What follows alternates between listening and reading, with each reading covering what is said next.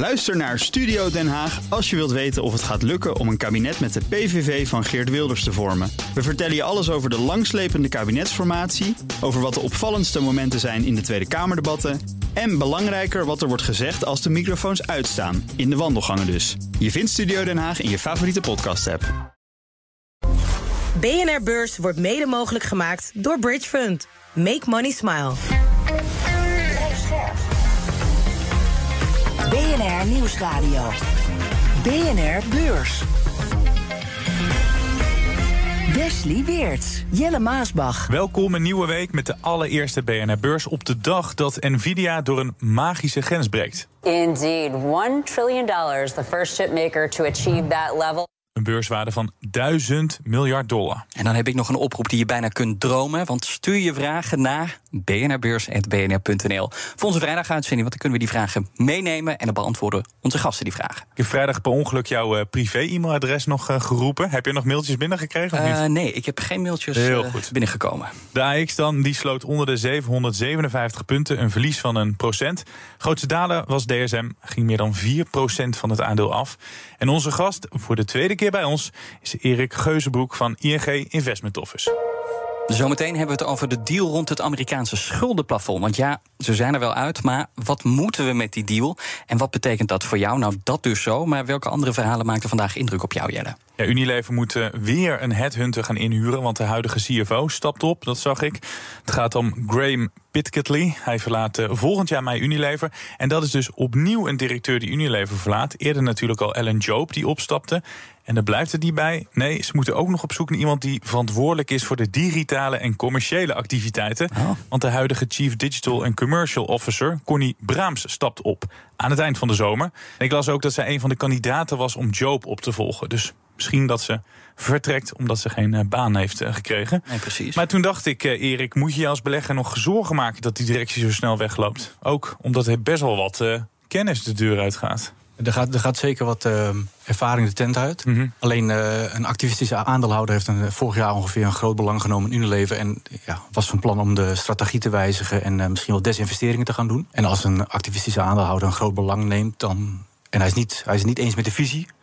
Dan kun je de donder op zeggen dat er een stoelendans gaat uh, plaatsvinden. En daar zitten we nu middenin. En uh, de CFO die gaat volgend jaar mei weg. Dus er is nog een jaar om iemand anders te zoeken en in te werken. Mhm. Dan zou ik me persoonlijk niet heel erg snel druk gaan maken. En dat past denk ik helemaal in de stijl van Nelson Peltz, de activistische aandeelhouder, om, uh, om de boel op te schudden. Dan wil ik nog naar een uh, opmerkelijke ommezwaai. Dan heb ik het over de prijzen die Nederlandse industriebedrijven vragen voor hun goederen. Want het leek erop dat die nooit meer omlaag zouden gaan. Maar de prijzen die dalen nu voor het eerst in ruim twee jaar tijd. Het gaat om een daling van 2,3 procent vergeleken met vorig jaar. En vooral de prijzen in de aardolie-industrie en de chemie zakken fors, blijkt uit CBS-cijfers. En ja, dus een keer positief inflatienieuws.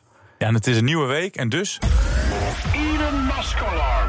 Kan het maskalarm weer worden ingezet? Want volgens persbureau Reuters is Musk in China. Zijn privévliegtuig is geland. En CNBC schrijft ook dat hij daar uh, op visite gaat.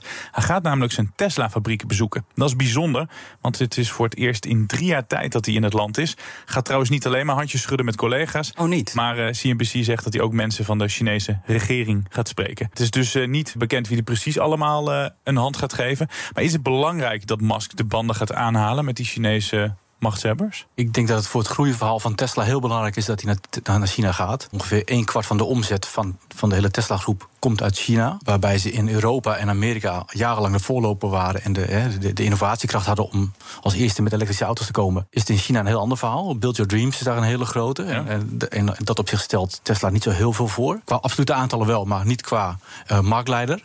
Uh, en, in China werkt het nou helemaal heel anders dan in de rest van de wereld. Dat de, de, de overheid kan met een pennenstreek uh, iets beslissen wat je voor je bedrijf funest is. Of, of briljant. Uh, dus dat hij daar de banden aanhaalt, lijkt me heel logisch. Hangt veel af voor, voor Tesla. En dan van China naar India, want India staat weer in de top 5 van de grootste aandelenbeurzen. De totale marktkapitalisatie is opgelopen tot meer dan 3300 miljard dollar, meldde Bloomberg. En daarmee stoot het Frankrijk van de troon. En die Indiase beurs die wordt geholpen door de rijkste man van dat land. En dan heb ik het over Gautam Adani. Zijn bedrijf verloor begin dit jaar nog tientallen miljarden dollars aan beurswaarde na beschuldigingen van een shortseller. Kan ik me nog herinneren, want er was toen toch dat vernietigende rapport waardoor die koers zo uh, naar beneden kelderde. Zeker. En een gigantische lijst aan beschuldigingen: aandelenmanipulatie, boekhoudfraude, corruptie, misbruik van overheidsgeld, vervalse resultaten, illegale geldstromen naar belastingparadijzen. En die shortseller die noemde het zelfs de grootste oplichting in de bedrijfsgeschiedenis. Alleen nog niemand vermoord. Voor de rest heeft hij best wel veel dingen Dat begaan. stond niet in dat rapport. Maar die beurskoers die herstelt zich nu weer in rap tempo. En dat helpt dus ook de beurs van India. En in Frankrijk gebeurt juist het tegenovergestelde. Daar staan die luxe merken een beetje onder druk. En na een lange stijgende lijn hadden bedrijven als LVMH en Hermes het ineens een stuk lastiger te maken met een daling, omdat het wederom in China even wat minder lekker loopt. India pakt al heel veel werk af van China. Onder meer grote opdrachtgevers zoals Apple verplaatst een deel van hun productie naar het land. Maar of nu ook de beurs van India groter wordt dan die van China, dat hoor je zo. Eerst het uh, Amerikaanse schuldenplafond. Er is een deal, of moeten we zeggen een compromis. Afgelopen weekend gooide politici het op een akkoordje. Voor de komende twee jaar is er weer geld en gaat dat plafond omhoog. Maar zowel democraten als republikeinen krijgen erbij niet wat ze willen. The White House and the Republican leaders spent the holiday weekend working out the details of a deal, but now they've got to try to sell that deal to reluctant lawmakers in their own parties. Die deal moet nog worden goedgekeurd, maar ga je ervan uit dat die handtekening ook uh, daadwerkelijk wordt gezet, uh, Erik? Ik uh, denk het wel, maar het is nog geen gelopen race. De republikeinen wilden heel graag flink bezuinigen. Ja? De Democraten wilden eigenlijk alleen maar graag geld uitgeven. Dat, en, dat is wat, je, wat, de, wat de beeldspraak zeg maar is. Ja. En met deze deal hebben ze eigenlijk allebei, allebei net niet wat ze willen. Via de media roeren natuurlijk de, de flanken roeren zich, ja, dus extreem links, extreem rechts, roeren zich behoorlijk. Zeggen allemaal dat ze tegen gaan stemmen. Nou, ik denk dat zo'n vaart niet zal lopen, want het, aan, de, aan de flanken zit gelukkig niet de, de, de, de grootste groepen in beide kampen. Uh, uh, maar uh, morgen wordt er nog gestemd. En over een week ongeveer is het geld zeg maar letterlijk op. Hè, dat ja. zou dus een US default zijn. En ik denk wel dat, het gewoon, dat er een, een deal gaat komen. Alleen er zijn wat technische formaliteiten die de boel kunnen vertragen. En als 5 juni echt de dag is dat er geld op is dan komt er wel heel dichtbij. En wat zijn dan die technische dingen die de Nou, in de Senaat kun je, dat is de Eerste Kamer zeg maar, van Amerika, kun je gewoon, door nog wat extra vragen te stellen, kun je gewoon alles vertragen. En ja, er hoeft maar één iemand te zijn die denkt van nou, dat vind ik nou echt heel. Heel handig om nu te doen. Ja. En ja, dan wordt het allemaal nog wat spannender deze week. Wij zijn natuurlijk wel in Nederland gewend dat je niet allemaal kan krijgen wat je wil. Dat moeten we altijd polderen. Maar die deal die er nu ligt, voor degenen die het hebben gemist, wat voor soort deal ligt er volgens jou? Ja, een, een, uh, uh, een mooi gezegd in Amerika is uh, kicking the can down the road. En dat is letterlijk uitstellen, afstellen. En dat is, dat is eigenlijk wat dit is. De, ik denk dat er iets van 10 miljard, 10, 10.000 miljard aan stimulering is bijgekomen de afgelopen drie jaar sinds COVID. De Republikeinen wilden het heel graag terugdraaien, omdat gewoon de, de, betaalbaarheid van de Amerikaanse schuld ooit een keer in, in het gevaar komt. Dat is nu nog niet aan de hand. -hmm. Uh, maar dat is alles, dit is alles behalve dat. Hè. Dus het is, ja, het is eigenlijk een beetje. Niemand wil politiek zelfmoord plegen. Dus we gaan maar gewoon de boel een beetje uitstellen. Ja, dat het uh, gevaarlijk. Een paar dagen geleden stond op jouw plek Jean-Paul van Oudheusden van eToro. Hij legt uit dat dat plafond hoe dan ook impact gaat hebben op de beleggers. Met en zonder deal. Of ze komen er niet uit. Nou ja, dan uh, krijgen we iets wat we nog nooit hebben meegemaakt. Maar ook als ze er wel uitkomen, ja, dan gaat er gewoon een, een heel groot stuk af van de geplande overheidsbestedingen. Dus je krijgt er linksom of rechtsom altijd mee te maken. Ben je het eens met uh, Jean-Paul? Uh, nou, zeker, zeker het eerste gedeelte. En het tweede gedeelte, um, dat, de, van defensie blijven ze af. Van heel, veel, van heel veel sociale voorzieningen blijven ze af. Waar ik me nou veel meer zorgen over maak... is op het moment dat er een deal zou komen... en de kas van mevrouw Jellen is letterlijk leeg... komt, komt er tussen de 500 en 1000 miljard aan nieuwe bondjes naar de markt. Sorry, nieuwe obligaties. -hmm. Dat, dat, zou dus heel veel liquiditeit kunnen onttrekken uit het financiële systeem. En waar we net he, afgelopen maanden weer gezien hebben dat liquiditeit goed is voor de, voor de financiële markten. Als, als de Treasury in één keer heel veel gaat issuen en er gaat 500 miljard uit de markt, ja, dan gaan die prijzen naar beneden. Dus de rente gaat omhoog. Uh, en het gaat de, de, volatiliteit in de financiële of in de vastrente in de markt gaat dat weer uh, onder druk zetten. Dat de deal er komt, ga ik echt wel vanuit. Hoe dat uitwerkt de aankomende jaren, dat gaat gewoon de economie wel laten zien. Maar dat nu de balansen van de, van de treasury weer moeten worden gevuld, dat is nog iets uh, en, wat ik nog wil zien. Hoe moet je daarop handelen? Ja, dat is, een, dat is de hamvraag, denk ik. Hè? Hoe moet je daarop handelen? Je moet niet je nek uitsteken, dat is in ieder geval wat wij niet doen. Ja, dat is eigenlijk ja, Jean-Paul had het toen ook over bedrijven die mogelijk zouden profiteren of hinder zouden ondervinden van, uh, van, van zo'n deal. Ja. Uh, want hij zei ook die gaan, kijk, als er bezuinigd wordt, dan gaat dat ook invloed hebben. Stel er wordt bezuinigd op, op duurzaamheid, dan heeft een bedrijf die veel investeert in duurzame energie daar mogelijk ook last van. Kijk je daar hetzelfde naar als dat Jean-Paul daarnaar kijkt? Zeker, alleen uh, ik, ik, een, een, van de dingen die in het, in het plan staan, maar dat is 99 pagina's. Ik heb ze niet, echt, echt niet allemaal gelezen. maar uh, het Student Relief Program is eentje wat, uh, wat de Democraten graag willen: hè, het wegstrepen van de schuld van de studenten. er zijn bepaalde bedrijven die daar enorm van profiteren als het, of het wel of niet gebeurt. Alleen die zijn nog net te klein voor ons om te in te beleggen. Dus het is, het is vrij specifiek en een particuliere belegger zou erin kunnen. Wij als ING uh, hebben gewoon een bepaalde omvang nodig om in te kunnen beleggen. En dat zijn dan net de bedrijven niet die geraakt worden door het plan of niet geraakt worden. In 2011 kwamen die Democraten en de Republikeinen er ook bijna niet uit over dat schuldenplafond. Toen zorgde dat voor veel meer ja, turbulentie op de beurs. Ja. Verwacht jij dat we dat ook gaan krijgen de komende tijd? Of, of ik, ik denk dat het toen, zeg maar, hè, want de, eigenlijk was het geld in januari al op. En heeft mevrouw Jelle met nog wat kunnen schuiven van potjes de, ja. de, kunnen rekken. Ja. Uh, maar ik, ik weet nog wel, dat is dus, dat twaalf jaar geleden, dat, dat er uh, musea's dichtgingen. Uh, overheidsgebouwen. En het is, het is de, misschien wel de grootste werkgever van, de, van Amerika. Ja. En de helft, of niet de helft, maar heel veel mensen in Amerika leven van paycheck tot paycheck. Super belangrijk voor. Super belangrijk. Dus op het moment dat het niet komt, uh, of uh, dat het een maandje wordt uitgesteld, omdat de, gewoon de overheid niet kan betalen. Ja, dat, dat, dat kan enorme gevolgen hebben. En ik denk dat van die 450 uh, senatoren of afgevaardigden echt wel genoeg zeggen van nou, we gaan gewoon een deal doen. Mm. No matter what. Uh, maar dat het spannend kan worden, ja, dat gaan we deze week uh, meemaken. Je had het net over die uh, Amerikaanse schatkist. Ondertussen komt die bodem van diezelfde schatkist snel in zicht. Om je een beeld te geven, er is een kleine 39 miljard dollar in kas. En volgens CNN zijn er op dit moment 31 miljardairs die meer geld hebben dan de Amerikaanse overheid. Waaronder Warren Buffett, waaronder een, een Michael Dell, ja. Mark Zuckerberg. Hoe zorgelijk is dat? Als je, als je het helemaal plat slaat, is het natuurlijk heel zorgelijk dat de grootste economie ter wereld zo ge, ge, verslaafd is aan schulden. Ja. En, en, en dat de hervormingen, af en toe is hervormen gewoon nodig. Het is niet leuk, maar het is gewoon nodig. Uh, en alleen maar schulden blijven stapelen. Ja, uiteindelijk ga je de rekening een keer betalen. Ik weet niet wanneer. Het, het schuldenplafond is natuurlijk al. Of de schuldenpositie uh, van Amerika wordt al vaker ter discussie gesteld. Mm -hmm. Maar het, als je het zou terugrekenen naar een individu. en hoeveel schuld hij heeft. en hoeveel die in kas heeft staan. ja, dan zit je, dan zit je tegen schuldsanering aan. Zeg maar. maar dat is goed dat je dit wel zegt. Want de wereldwijde financiële nachtmerrie die lijkt nu dan wel afgewend. Maar de realiteit is dus: Amerika is, ja, blijft chronisch boven zijn stand uh, leven. Zie je dat uiteindelijk als een veel groter risico dan wel of geen deal? Ja, de, de, de deal is gewoon een, een, een event van deze week. En dat gaat gewoon, denk ik, wel loskomen. Uh, maar als je het op het grotere plaatje kijkt naar de economie, hè, dus de, de, schulden stapelen op. Ja. De groei van de Amerikaanse economie is 1 à 2 procent. Dat weten ze nog uit te persen. Ja, dat is uiteindelijk op lange termijn een on, onhoud, onhoudbare situatie. En hè, ze kunnen er ook weer uitgroeien, maar daarvoor zou je moeten hervormen. Maar dat is dus politiek een hele lastige. Ze komen eruit, uh, zei jij. Denk je dat ze nog wel wat aanpassingen gaan doen? Of is dit wat het is. Omdat die twee kampen zo verdeeld zijn, denk ik dat het heel lastig is. Want als de ene wat wil, dan wil de ander ook wat. Dus uh, ja, ik denk dat, dat we al blij moeten zijn dat er iets be beklonken afgelopen weekend. BNR Beurs. Wall Street dan, daar zie ik een wisselend beeld. De Dow Jones staat een half procent lager, de S&P 500 staat vlak... en de Nasdaq staat wel hoger en krijgt er 0,4 procent bij. En dan even een felicitatie namens BNR Beurs. Gefeliciteerd, gefeliciteerd. Oh, wat zijn we blij. Als de hoofdredactie nu meeluistert, dan ben ik mijn baan kwijt. Maar uh, die felicitaties die zijn voor Nvidia. Want dat bedrijf ging dus door die magische grens van 1000 miljard dollar. Bijzonder, want er zijn maar vijf bedrijven die 1000 miljard dollar of meer waard zijn. We hebben er vrijdag nog een hele uitzending aan gewijd. Dus als je Donderdag. Donderdag en vrijdag ook even over gehad, maar vooral donderdag over die 1000 miljard dollar club.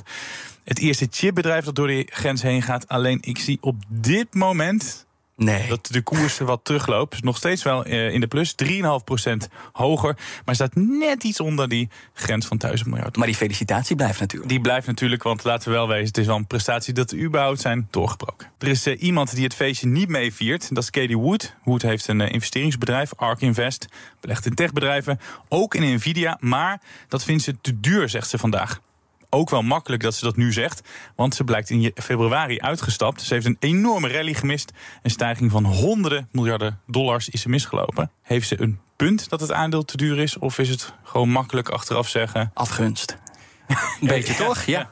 Ik zou zeggen dat het inderdaad achteraf heel makkelijk concluderen is. En als ze het te duur zou vinden, dan zou ik ook wel graag een andere portefeuille tegen het licht willen aanhouden. Want het is ook groot belegger in Tesla. Ja. En dat is niet zo duur als Nvidia op dit moment is. Maar Tesla heeft natuurlijk afgelopen jaren ook een enorme rit gemaakt. Zo, ja. En was op zijn hoogtepunten nog veel duurder dan Nvidia nu is. En de, eh, Tesla heeft het bewezen dat, ze, dat die, die waardering is echt wel eh, nou, nog steeds hoog, maar wat realistischer geworden. De, de, de, hoge verwachting heeft Elon Musk waar kunnen maken voor zijn bedrijf. Ehm, eh, Nvidia is op dit moment 37 keer de omzet. En ik hoef jullie waarschijnlijk niet te vertellen hoe belachelijk dat is. Hè. Dus het kan nog hoger, maar dat is echt voor de speculant. Wij hebben zelf positie in eh, Nvidia, maar die, die kopen we zeker niet bij op deze niveaus. Want 37 keer de omzet. En als ik dan kijk naar de groeiprognose van de aankomende jaren. En AI is een soort hype, of bubbel, hoe je het wil noemen. Hè. En ik denk ook wel dat het onze, wereld, onze wereld kan gaan veranderen.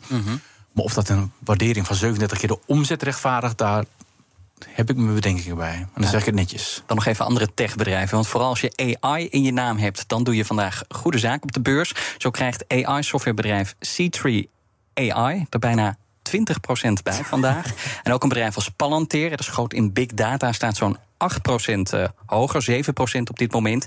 En je had het net over Tesla, over dat bezoek van Elon Musk aan China. Beleggers zijn daar ook heel blij mee. Het aandeel staat eh, bijna 3,5% hoger. BNR Beurs. Terug naar India, want die Indiaanse beurs heeft zijn top 5 positie terug. En daarmee streeft het niet alleen Frankrijk voorbij. Nee, India verslaat ook bijna het eigen record. En bij Bloomberg India waren ze al helemaal door het dolle. Ooh, 204 points away from that record high for the Nifty. So the question is, what is next for these equities as they approach that milestone? We zeiden het al, die beurs van India wordt geholpen door het herstel van Gautam's Adani Zaken-imperium. De rijkste man van het land. Maar Erik, doet India het zo goed of doen andere beurzen het zo slecht momenteel? Uh, ik denk dat je op beide antwoorden ja kunt zeggen. Dus uh, je, ja, kijk, China, heeft het, uh, China zit recent weer in de bear market, hè, bepaalde indices in, in China. Ja. en beleggers, institutionele beleggers die gewoon een positie willen hebben in emerging markets. Uh, kunnen zeggen van nou, China nu even niet, misschien India wel. India staat er demografisch ook een stuk beter voor, zeker dan China, maar ook beter dan andere uh, emerging markets. Ja, dus je ziet eigenlijk de institutionele beleggers uit China vluchten naar India. Ja. En dat is een deel van de, dat is een deel van de koersvorming. Hè. Wat je zelf ook al net zei, is dat Frankrijk, uh, nummertje, wat nummertje 4 was, heeft een enorme weging in de luxe goederen. En dat was vorige week even niet, niet in swing. Ja, ze waren nummertje 5 trouwens. Sorry, en, nu, en nu India nummer. Dus een stuivertje ja. wisselen met nummer 4. Um, uh, dus ja, ik denk dat. En, en India um, is een. Ik denk afgelopen twee, drie maanden geleden hebben ze het aantal inwoners van China even na of zelfs ingehaald. Mm -hmm. uh, en de grootste bedrijven in China zijn er bijna allemaal conglomeraten. Actief in olie, chemicaliën, retail, internet, van alles en nog wat. maar heel veel hebben bovengemiddelde exposure naar de binnenlandse economie. En als die hard groeit met een GDP van 6% per jaar gemiddeld. En, en, China haalt dat op dit moment al niet. En de rest van de wereld zou het willen dat het 6% houdt. Dan is China gewoon, of sorry, dan is India gewoon een, een interessante markt. Je legt al een aantal keer de link tussen India en China. Maar zie jij India ook echt als alternatief voor de Chinese beurs? Als alternatief, dat zou ik misschien een beetje te ambitieus vinden. Uh, ik denk dat het goed naast elkaar kan staan. Alleen, ja, je kunt tactisch allokeren. En uh, China, heeft nu, China heeft nog wel echt wel wat problemen waar ze nog mee worstelen. De, die schuldencrisis. Mm -hmm. uh, en het is ook een heel ander land natuurlijk... als je kijkt naar hoe, hoe de instituten zijn geregeld. Ja. En ja, India is eigenlijk een wat een traditionele groeiverhaal op dit moment. En als het dan over groei gaat, die economie van China die groeit trager. India wordt vaak de nieuwe groeibriljant genoemd. Heeft het wel de potentie om die beurs van China voorbij te streven? Ja. En ik, ik las toevallig vandaag dat uh, volgens Goldman dat ongeveer in 2043 gaat gebeuren. Dus zijn we 20 jaar verder. Nou, maar de, de, dus Amerika 1, China 2, die zijn wel mijlenver verwijderd van, uh, van Hongkong en, en China. Ja, er zit een heel groot gat tussen. Er zit een gigantisch gat tussen. He, dus dit was echt een leuk stuivertje wisselen van een paar ja. honderd miljard. Maar wil India nou uh, Hongkong voorbij, dan moet het denk ik nog met 2000 miljard groeien. En ik wil even met jou naar de kansen en de risico's van beleggen in India. Laten we even met de kansen beginnen. Jij noemde net al die binnenlandse markt. Die, ja, die is dus wel gunstig wanneer het goed gaat met de economie van uh, India. Dan profiteer je daar heel snel van. Of die beursbedrijven profiteren ervan. Welke andere kansen zie jij nog? Demografisch staan ze er gewoon heel goed voor. Ik denk dat het schuldenprobleem. De, de schulden zijn ook niet zo hoog. Kijk, het is natuurlijk qua de welvarende middenklasse. Die, die komt van heel laag ten opzichte van China. China is al een stuk rijker. En China heeft de afgelopen tien jaar gedaan. wat wij misschien hopen dat India de aankomende tien jaar gaat doen. Wat ik als bedreiging zou zien, is de, conglomeraten. Hè. Dat, dat Adani-rapport van Hindenburg. Dat, uh, dat had uh, uitwerking. En conglomeraten zijn heel, last, heel lastig om te doorgronden als belegger. He, dus wij kopen ook heel India. Wij kopen niet Infosys of Tata Steel. Wij kopen heel India, want ja, wij hebben gewoon niet de expertise om een Adani-groep te, te doorgronden. Want een conglomeraat, daar kun je, ja, daar kun je alles in te stoppen, om het zo maar te zeggen. Ja. Nou, die Hindenburg was heel, eh, heel accuraat met zijn, eh, met zijn short cell rapport. Had zijn uitwerking ook getroffen. Eh, maar eh, heel India zijn, eh, ik denk dat eh, 14 of 18 conglomeraten zijn. Het is gewoon heel veel. Dus het is heel la- lastig om daar bedrijven te selecteren. Dus je zegt van, eh, de, de laten economie zie ik zitten. Ja. Vanwege de demografie, vanwege de schulden, vanwege de positie, vanwege dat ze wat afsnoepen van China. Mhm. Eh, maar om dat te zeggen, ik ga nu eh, een, een IT-bedrijf selecteren op de Indiase beurs. Maar zijn er wel wat aansprekende voorbeelden? Kun je wel wat voorbeelden noemen van grote Indiaanse bedrijven die misschien wat extra aandacht verdienen? Nee, in, in negatieve zin Tata Steel. Ja, en in Die kennen, positieve die zin? kennen we allemaal uit, eh, uit Wijk aan Zee. Die moeten we dan even laten Die liggen. moeten we laten zeggen. Reliance Industries is de grootste, maar dat is echt een gigaconglomeraat. Die zit in alle sectoren zo ongeveer. Eh, Infosys is een grote IT'er. Hè, dus Ze detacheren veel eh, eh, hoogopgeleide kennis, eh, kennis eh, ICT'ers naar de, naar de rest van de wereld. Ik zou zeggen dat Infosys misschien wel de bekendste zou moeten zijn. Ja. Hoe moeilijk is het eh, om als particulier in India te beleggen? Totaal niet. Nee? Nee, je hebt natuurlijk eh, tientallen, zo niet honderden afgeleide producten. Dus je hebt actieve fondsen, je hebt passieve fondsen. Ehm, dat is, dat is, eh, met één druk op de knop is dat geregeld. Alleen de vraag is, wil je een actief fonds? Hè, wil je iets meer betalen voor het fonds? Zodat iemand al daar eh, de kennis en expertise heeft... om wel de juiste conglomeraten te selecteren? Of zeg je van nee, ik speel het land met de gedachte... dat India gewoon aankomende jaren iedereen inhaalt? Dit was de beursdag van dinsdag, nu naar die van morgen. Alle aandacht gaat naar het Huis van Afgevaardigden, want daar stemmen de politici over de verhoging van het Amerikaanse schuldenplafond. En dan zijn ze er nog niet, want het voorstel moet daarna nog worden goedgekeurd door de Senaat. En dat gebeurt naar verwachting later deze week. Verder krijg je veel inflatiecijfers deze dag, onder meer uit Duitsland en Frankrijk. Tot slot weer een hoop aandeelhoudersvergaderingen. In ieder geval van twee AX-bedrijven, namelijk Exor en ASR. En in Amerika roept Walmart de aandeelhouders bij elkaar. Ja, goed nieuws. Ik krijg net een berichtje binnen van iemand uit eh, de hoofdredactie... dat ik eh, niet ben ontslagen, naar aanleiding van ons Bastien Adriaan eh, muziekje. Nou, gelukkig, dat dan ben je er morgen ook weer. Ehm, dit was onze vooruitblik. Erik, waar ga jij deze week op letten? Misschien iets waar de luisteraar ook nog wat aan heeft. Ja, de, de hele, het hele politieke gekonkel richting de uiteindelijke deal. En of we 5 juni gaan halen. Dat Ja. zou dan de datum zijn dat mevrouw Jellen zonder geld zit. Ja. Dat heeft mijn hoofdaandacht. Want dat, ik denk dat dat, dat raakt alles. Ja. Eh, en daarna is, eh, afhankelijk van wanneer de deal echt beklonken wordt... eh, hoe mevrouw Jellen die 500 miljard, wat het minimumbedrag zou zijn... uit, eh, uit de vastrentende markt gaat halen. En daarnaast heb je nog de macro-economische cijfers... zoals de Amerikaanse werkgelegenheid, retail sales. Je hebt En wat- wat- huiswerk nog te doen. Elke dag is het weer een feest. Dankjewel. Erik Geusbroek van ING Investment Office. En dan zeggen wij tot morgen. Tot morgen. BNR Beurs wordt mede mogelijk gemaakt door Bridge Fund. Make money smile. Ook Harm Edens vind je in de BNR-app. Je kunt BNR Duurzaam niet alleen live luisteren in de app, maar ook terugluisteren als podcast, zoals al onze podcasts. En naast dat de BNR-app Breaking News meldt, houden we je ook op de hoogte van het laatste zakelijke nieuws. Download nu de gratis BNR-app en blijf scherp.